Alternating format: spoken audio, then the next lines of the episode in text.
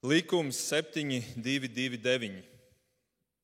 Ukraiņas augstākajā radā, jeb parlamentā, tika pieņemts šī gada 1. aprīlī, tātad tieši pirms viena mēneša. Un eh, tas ir likums, kas paredz piešķirt atlīdzību Krievu karavīriem, kuri ir gatavi atdot savu kara tehniku Ukrainai. Padoties, atdot tehniku. Un eh, viņi ir gatavi maksāt līdz pat vienam miljonam dolāru par eh, tehniku, kas būtu iznīcinātāju lidmašīnas vai kara kuģi. Par citu tehniku tur ir mazākas summas, bet joprojām simtiem tūkstošu dolāru. Viņiem tiek piedāvāts iemainīt, apmainīt savu iznīcinošo tehniku pret naudu, bet ne tikai naudu. Papildus viņi saņem jaunu identitāti, Viņi saņem jaunus dokumentus un palīdzību tikt slepenā veidā ārā no Ukrainas uz kādu no trešajām valstīm. Jo Krievijā un Ukrainā viņiem nākotnes vairs nav saprotamā kārtā. Tātad apmaiņas piedāvājums, lai glābtu savu dzīvību, nevis atdot to bezjēdzīgi šādā karā, lai sāktu jaunu dzīvi ar jaunu identitāti apmaiņa. Arī šodien mēs svinam svētkus, kuri patiesībā ir apmaiņas svētki. Kristības svētki Paulai un Sandijam. Tie ir arī apmaiņu svētki. Kristība baseinā, kuru mēs šeit redzam priekšā, un mēs viņu saucam par kristību kapu, tiek iegremdēts vecais cilvēks, bet no tā ārā ceļas jauns cilvēks jaunais cilvēks. Tas ir tas simbols un tas ir tas iemesls, kāpēc mēs kristam cilvēkus, viņus pilnībā pagremdējot zem ūdens, nevis tikai uzpilnot pāris pilītes ūdens uz galvas.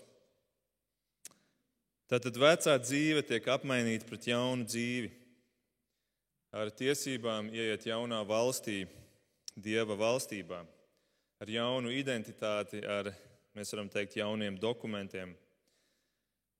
Notiek šī apmaiņa, kur Dievs piedāvā cilvēkiem, un eh, šī apmaiņa arī Dievam kaut ko maksā. Viņš par to kaut ko maksā.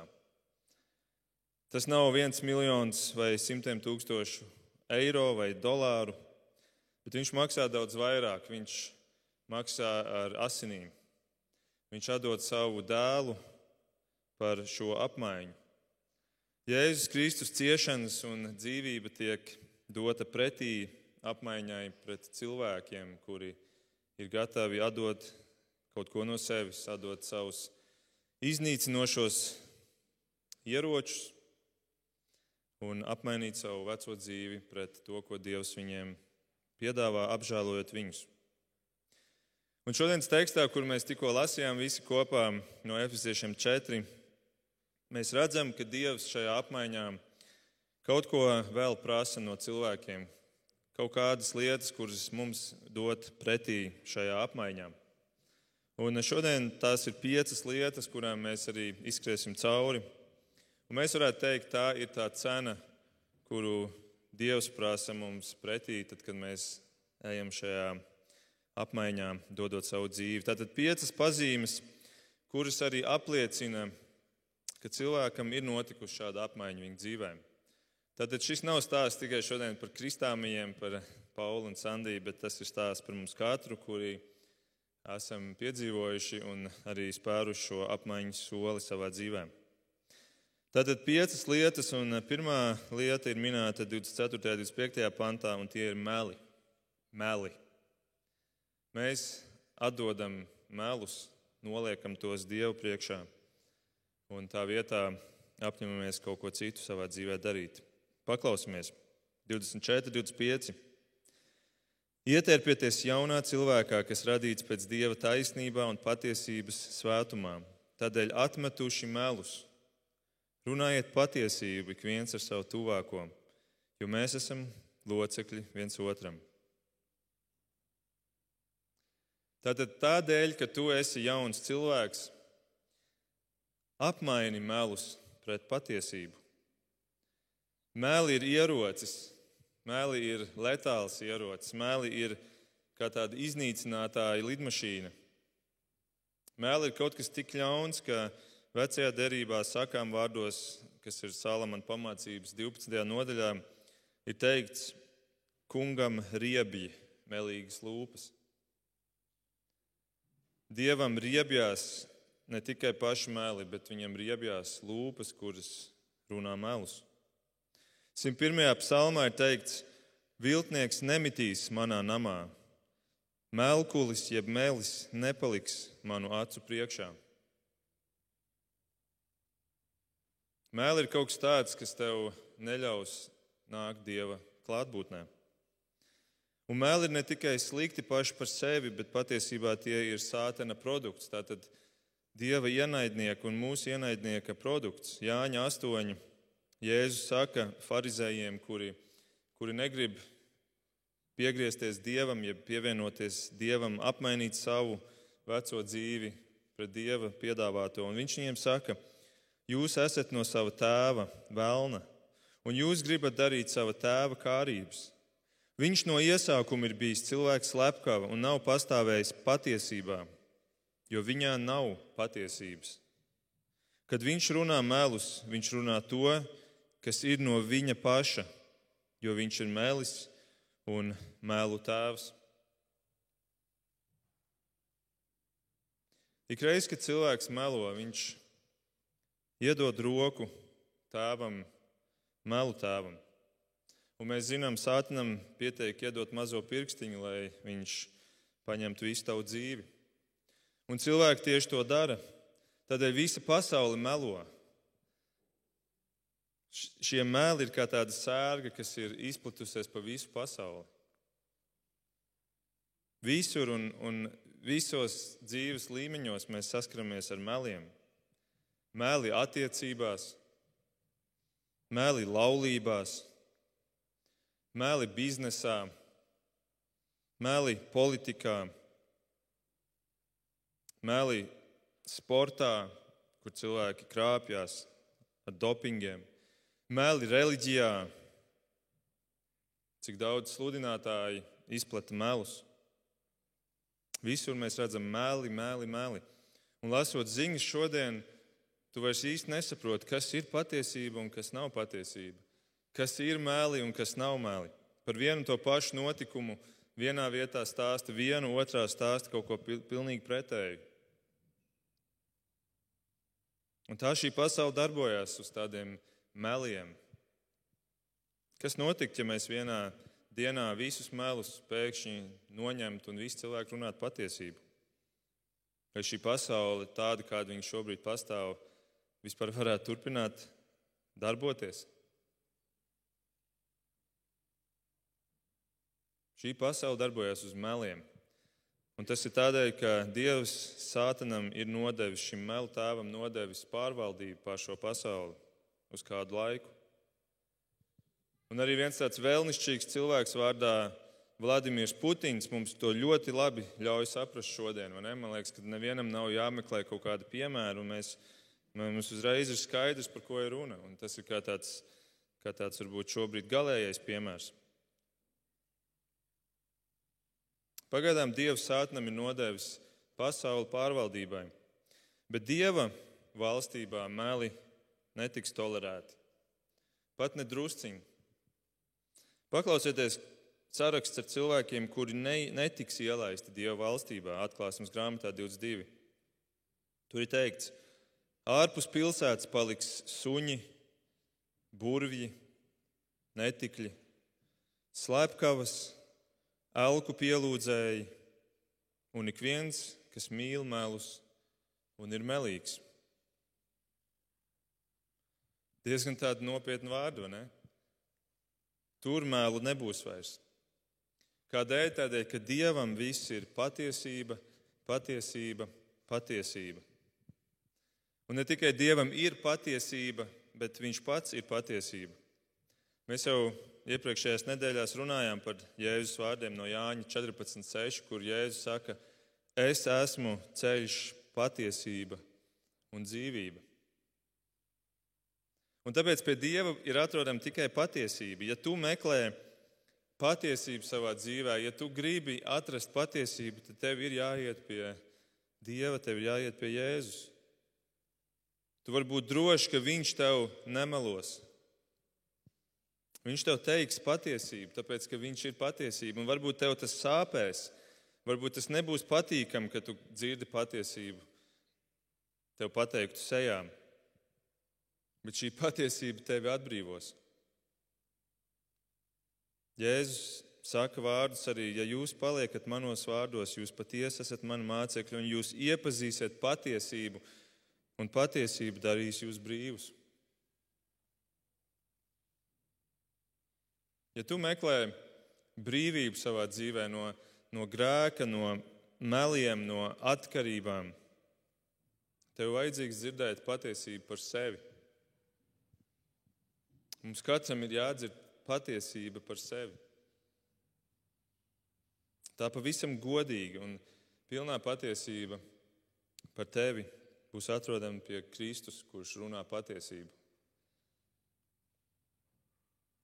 Pāvils vēl piemin šeit, jo mēs esam locekļi viens otram, mūsu efeziešiem 4 tekstā. Mēs esam locekļi viens otram. Kas ir locekļi? Locekļi, locekļi ir daļa no ķermeņa, vai ne? Un padomā, ja mēs šo analoģiju par ķermeni paņemam, kas notiktu, ja tavs ķermenis sāktu pēkšņi melot tev? Piemēram, tavs acis. Iedomājies, ka tavs acis sāktu tev melot, un viņas izdomātu, nu, es tagad rādīšu viņam divas reizes tuvāk visu, nekā patiesībā ir. Kas notiktu ar tevi? Tu kaut kur uzskrietu, tu kaut kur iekristu, tu kaut kur atsistos, tu kaut ko salauztu. Vai iedomājies, tā var dzirdi izdomāt melot tev, un tā tev dotu skaņas, kurām tur nav jābūt tajā brīdī. Tu ej pa ielu, un tu nedzirdi, ka nāk tā mašīna aiz muguras. Tādā ziņā tava dzīvība ir atkarīga no tā, ka tavs ķermenis tev sāka patiesību ka tava nervu sistēma ir patiesa pret tevi. Tu tai uzticies, jo tā nemelo tev, bet ja tā sāk tev melot, tad tāpat spēja tevi nogalināt. Un tādā veidā meli ir iznīcinoši, jo tie nāk no melu tēva, tad pēc apmaini tos, šeit ir teikts, apmaini tos, atdod šo savu iznīcinātāju un ņem pretī patiesību un šo jauno dzīvi, kuru Dievs tev piedāvā. Nepārstāv vairs melu tēvu, bet patiesības tēvu. Tā nu šī ir pirmā lieta, kuru mēs apmainam - meli pret patiesību. Otrā lieta ir 26. un 27. pantā, un tās ir dusmas.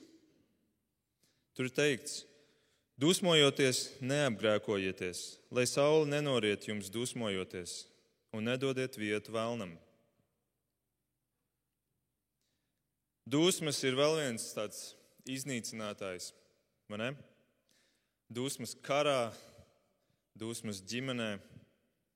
Šī pasaule ir tik pilna ar dusmām. Atkal mēs varam teikt, dusmas, dusmas, dusmas.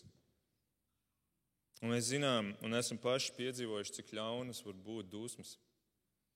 Gan paši esam tās raidījuši pret citiem, gan saņēmuši no citiem.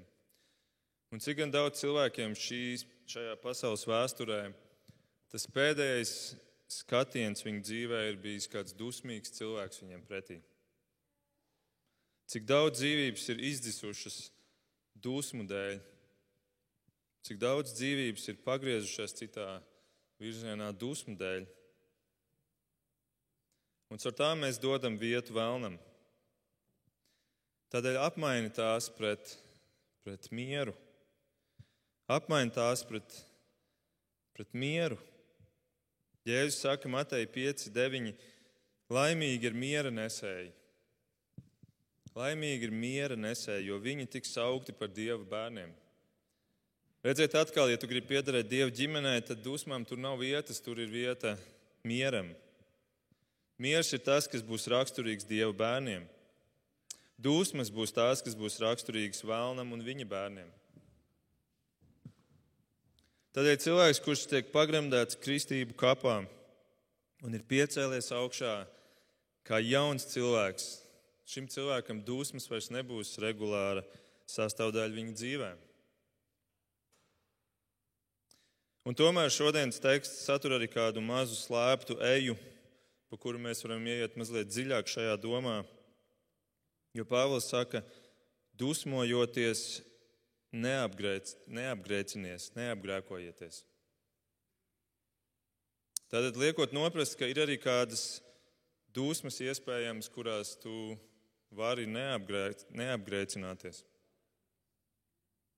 Viņš nesaka, nedusmojies, jo tad tu apgrēcināsies. Viņš saka, dusmojoties, neapgrēkojieties. Patiesībā, kad paskatās angļu tulkojumus, tad visos galvenajos ir minēts be angry and do not sin. Dusmojies, bet negrēko. Dusmojies un negrēko. Tā tad ir arī kādas dusmas, kas var būt pamatotas un vajadzīgas. Mēs viņus varam saukt par svētajām dusmām, pretstatā nesvētajām, grēcīgajām, ļaunajām dusmām. Svētās dusmas ir tās, kuras aizstāvēs citus cilvēkus. Kad es redzu, ka kādam tiek kaut kas darīts pāri, netaisnīgi, un es iestājos, un es, es eh, varbūt sadusmojos pret, pret, to ļauno, pret to ļaunumu, kas tiek izdarīts pret viņu. Tas var būt svētas dusmas, un Jēzus to ir parādījis. Viņš divas reizes templi tīrīja, un, un tomēr Bībelē saka, ka viņš negrēkoja. Tad var būt arī šādas dusmas, bet cilvēks pārsvarā dusmojas tad, kad pret viņu notiek netaisnība.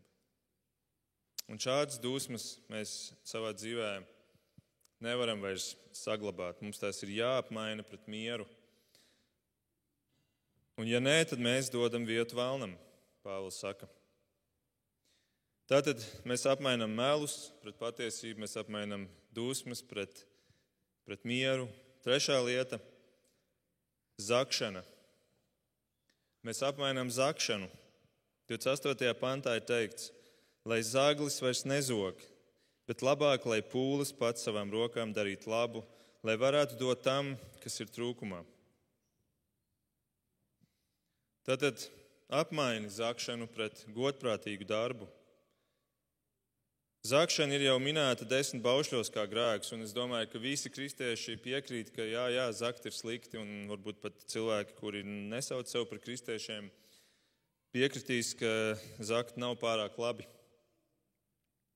Bet vienlaikus mēs redzam, ka cilvēkam ir tāda tendence to latiņu vilkt zemāk, pavilkt zemāk, lai kādās dzīves situācijās man nu, tomēr um, es varētu spērt kādu soli, kas, kuru es nodefinēju kā, kā ka tas nav zakšana un ka tas ir, ka tas ir pieļaujams.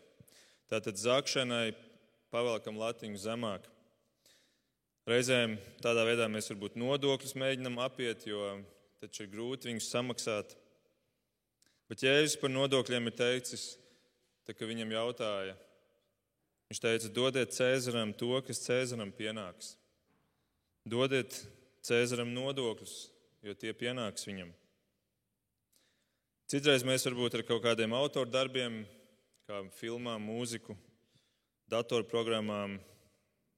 Es zinu, ka jauniešiem arī datorspēles ir izaicinājums, par kurām visām būtu jāmaksā, jo tas ir kāda autora darbs. Mēs tomēr izvēlamies pievērt aci kādās zagļu mājaslapās, viņas uh, lejupielādēt.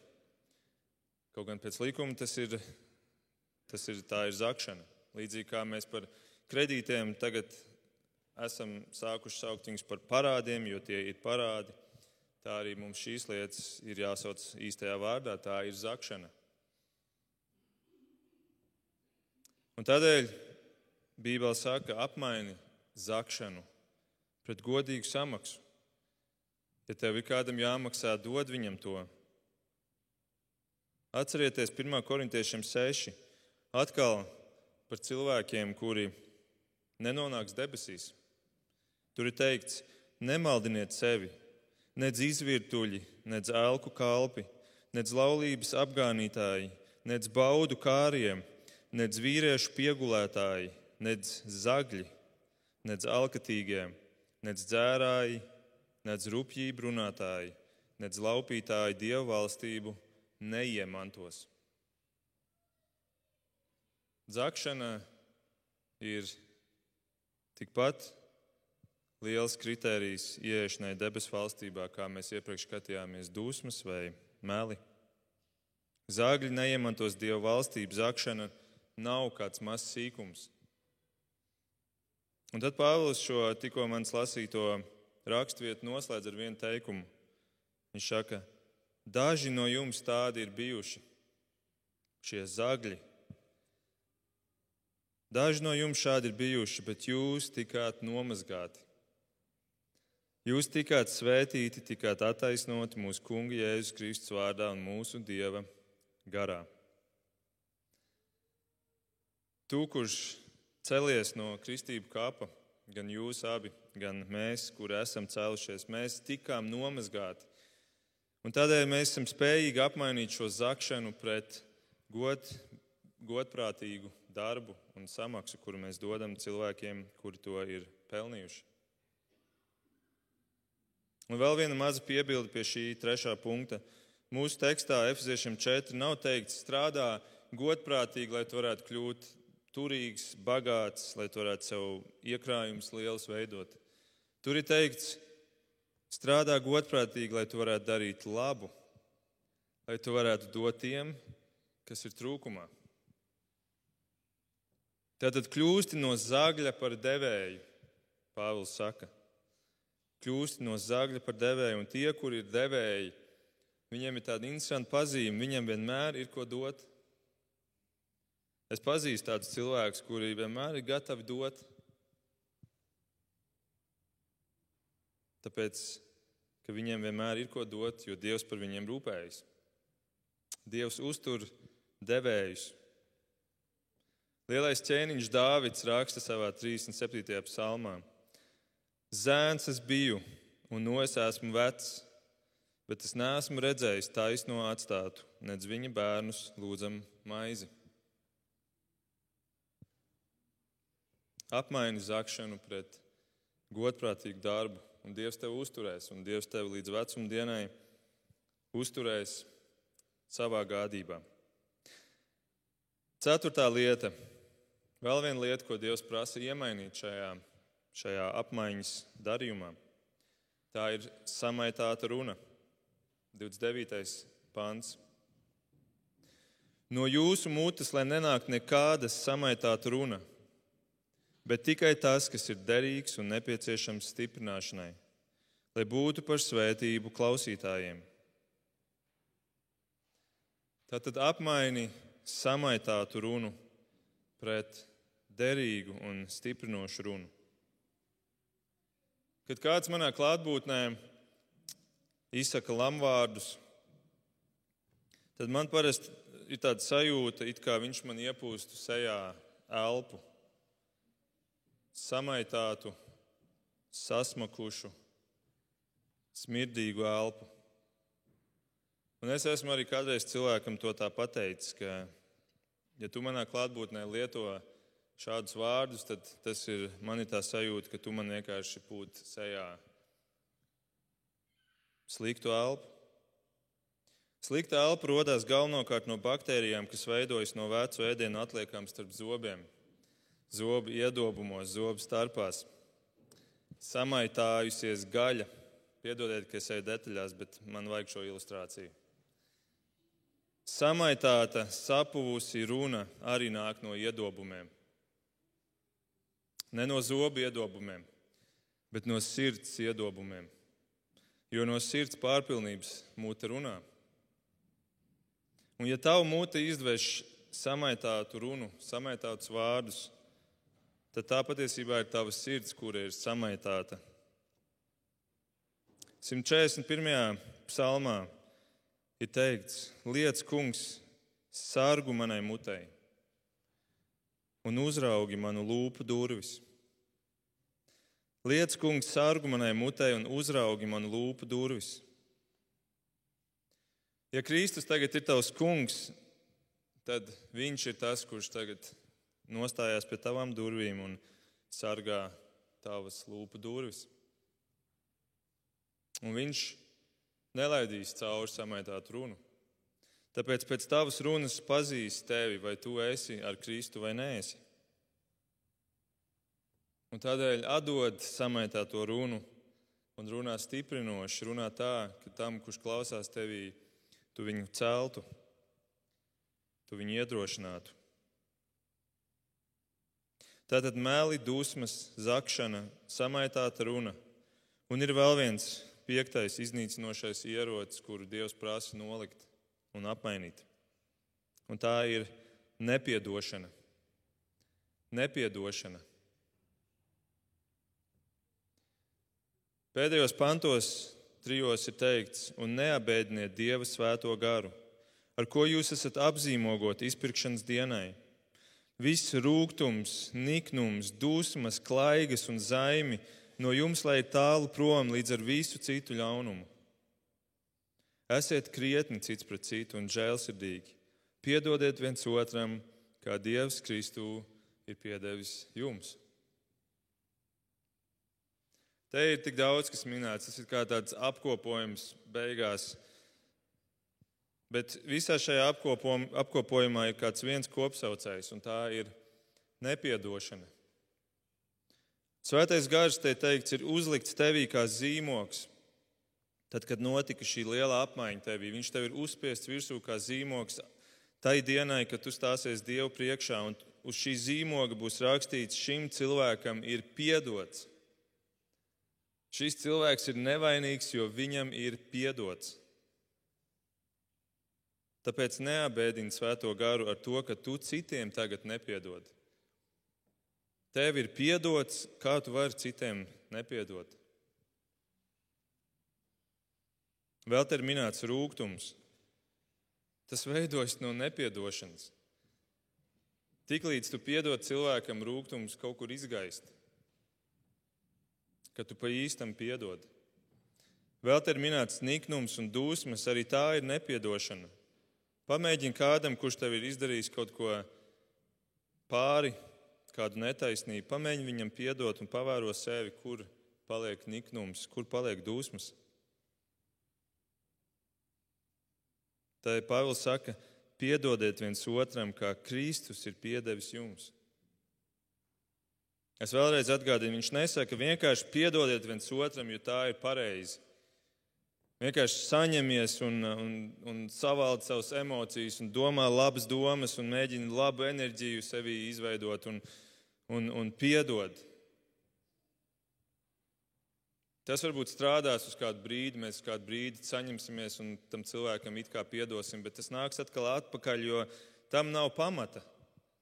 Tas nekur nesakņojas. Tas sakņojas kaut kādā, kaut kādā cilvēku emocionālajā stāvoklī, un emocijas mainās ļoti ātri. Tāpēc Pāvils saka, tev ir jāpiedod tādēļ, ka Kristus tev ir piedevis. Tas ir vienīgais pamats, vienīgā sakne, kura noturēs šo piedošanu patiesu un līdz galam. Kristus tev ir visu piedevis. Kā tu vari nepiedot otram jebko? Tāpēc Kristus piedošana ir kā tāds lielais mērogs, pēc kura mēs varam mērīt savu piedošanu. Ja tev ir kaut kas, ko tev ir grūti piedot, paskaties to mērogu Kristu, vai viņa mērogā šī tava lieta, netaisnība ir liela, tik liela, ka man būtu pamats nepiedot. Tāpēc tas ir kā liels mērogs. Un es domāju, šodien mums Ukraina ir kļuvusi par tādu mērogu, kur mēs Mēs varam tagad vērtēt savu dzīvi pēc tā, paskatāmies, kā ir Ukrainā, un tad paskatāmies, kā mums iet šeit. Es šonadēļ biju ciemos pie sava, sava tēta, un es viņam jautāju, nu kā tev iet, tēti? Viņš teica, labi. Es viņam saku, nu, bet nu, aprakst vairāk. Tad, kad man puiši atbild, es viņam jautāju, kā iet skolā, tev, kā tev gāja skolā. Viņi saka, labi. Es saku, nu, pasaki citiem sinonīmiem, bišķiņ apraksti, kā labi, jo tas neko neizsaka. Viņš saka, bet nu, ko, ko darīt, ja visās jomās tiešām iet labi? Es katru dienu skatos Ukraiņas ziņas, un pēc tam man ir sajūta, ka man tiešām visās jomās Latvijā šeit iet labi. Cik skaista atbilde, vai ne? Tagad tev ir tāds lielais mērogs, ar ko salīdzināt, tad tev pēkšņi iet labi. Un tagad tev ir Kristus, ar ko salīdzināt viņa piedošanu, tad kā tu vari nepiedot kaut ko savam tuvākajam cilvēkam, savam vīram, savai sievai, saviem darba kolēģiem, vienalga, kam vēl. Un cik žēl, ka mēs arī šo, šo savas dzīves svētību spējam tagad tikai ieraudzīt, kad, mēs, kad mums ir ko salīdzināt ar Ukrajinu. Bet tieši tāpat ir ar šo piedošanu. Kristus tev ir piedevis visās jomās, un tev nav iemesla, tev nav attaisnojuma nepiedot cilvēkiem. Bet, ja tu nespēji piedot cilvēkiem, tad jautājums ir, vai tev ir Kristus piedošana, vai tu tiešām esi Kristus pusē? Vai tavā dzīvē ir notikusi šī apmaiņa? Jo atceries, Kristus šīs dzīves galvenā misija bija atnest cilvēkam piedošanu. Piedošana bija kā tāds galvenais mērķis, kādēļ Kristus šeit nāk. Un tad, ja tu sauc sevi par kristieti, kas nozīmē grieķu valodā mazais Kristus, tad tavai dzīvei arī vajadzētu būt bez mazliet Kopš tā brīža, kad es izkāpu no ūdens kāpa, manas atlikušās dzīves misija ir piedot un piedot un piedot un piedot un atkal piedot. Un es esmu to gatavs darīt, tāpēc, ka es esmu Kristus sekotājs. Lielais sludinātājs Čārls Spērģents ir teicis, vai tev ir grūti piedot kādam, kurš tev nodarījis netaisnību? tad tev būs arī grūti atrast ceļu uz debesīm.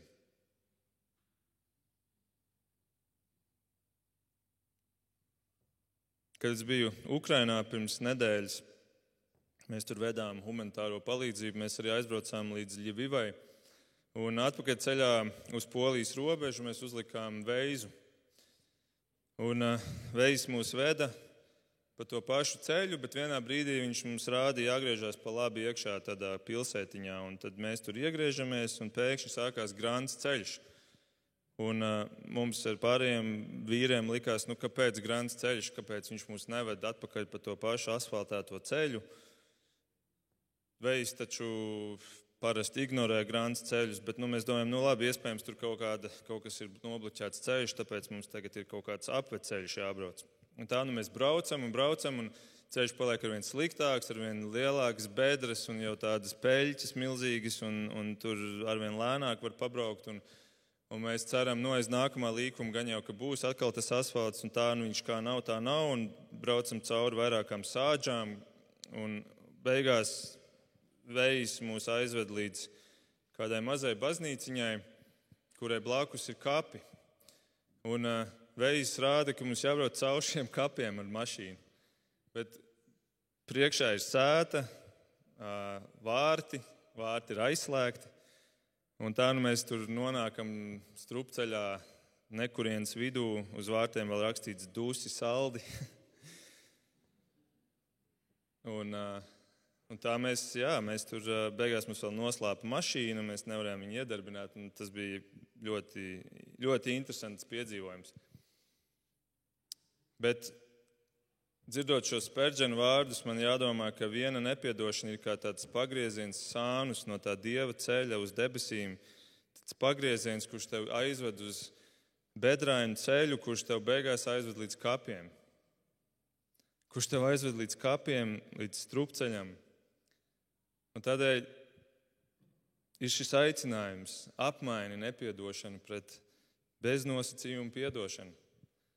Jo Kristus tev pirmais ir devis šo beznosacījumu piedošanu. Un kā tu vari iet savā dzīvē un nest līdzi šo nāvējošo ieroci, kurš patiesībā beigās tev pašam būs nāvējošs.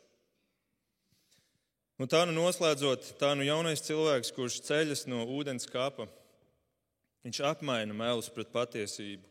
Viņš apmaina dusmas pret mieru, viņš apmaina zakšanu pret godprātīgu darbu, viņš apmaina samaitātu pret stiprinošu runu. Un viņš atdod nepiedošanu, lai iemainītu to pret piedošanu. Likums 7.229 ir joprojām spēkā. Krievu kareiviem Cik man ir zināms, ir joprojām šodien spēkā iespēja apmainīt savu iznīcinātāju pret jaunu dzīvi. Pirms likuma pieņemšanas Ukraiņas ārlietu ministrs teica, mēs Krievu karavīriem dodam izvēli - mirt netaisnīgā karā vai saņemt pilnu amnestiju. Arī mūsu sacelšanās pret Dievu pret Kristu ir netaisnīgs karš. Karš, kurā mēs nevaram uzvarēt. Bet Dievs, pret kuru mēs karojam, mēs esam tas agresors. Dievs spēr mums pretī šo soli, izsludinot likumu, kuru mēs saucam par žēlastības, jeb apmaiņas likumu, kuru Kristus mums piedāvā un kas joprojām ir spēkā šodien arī tev.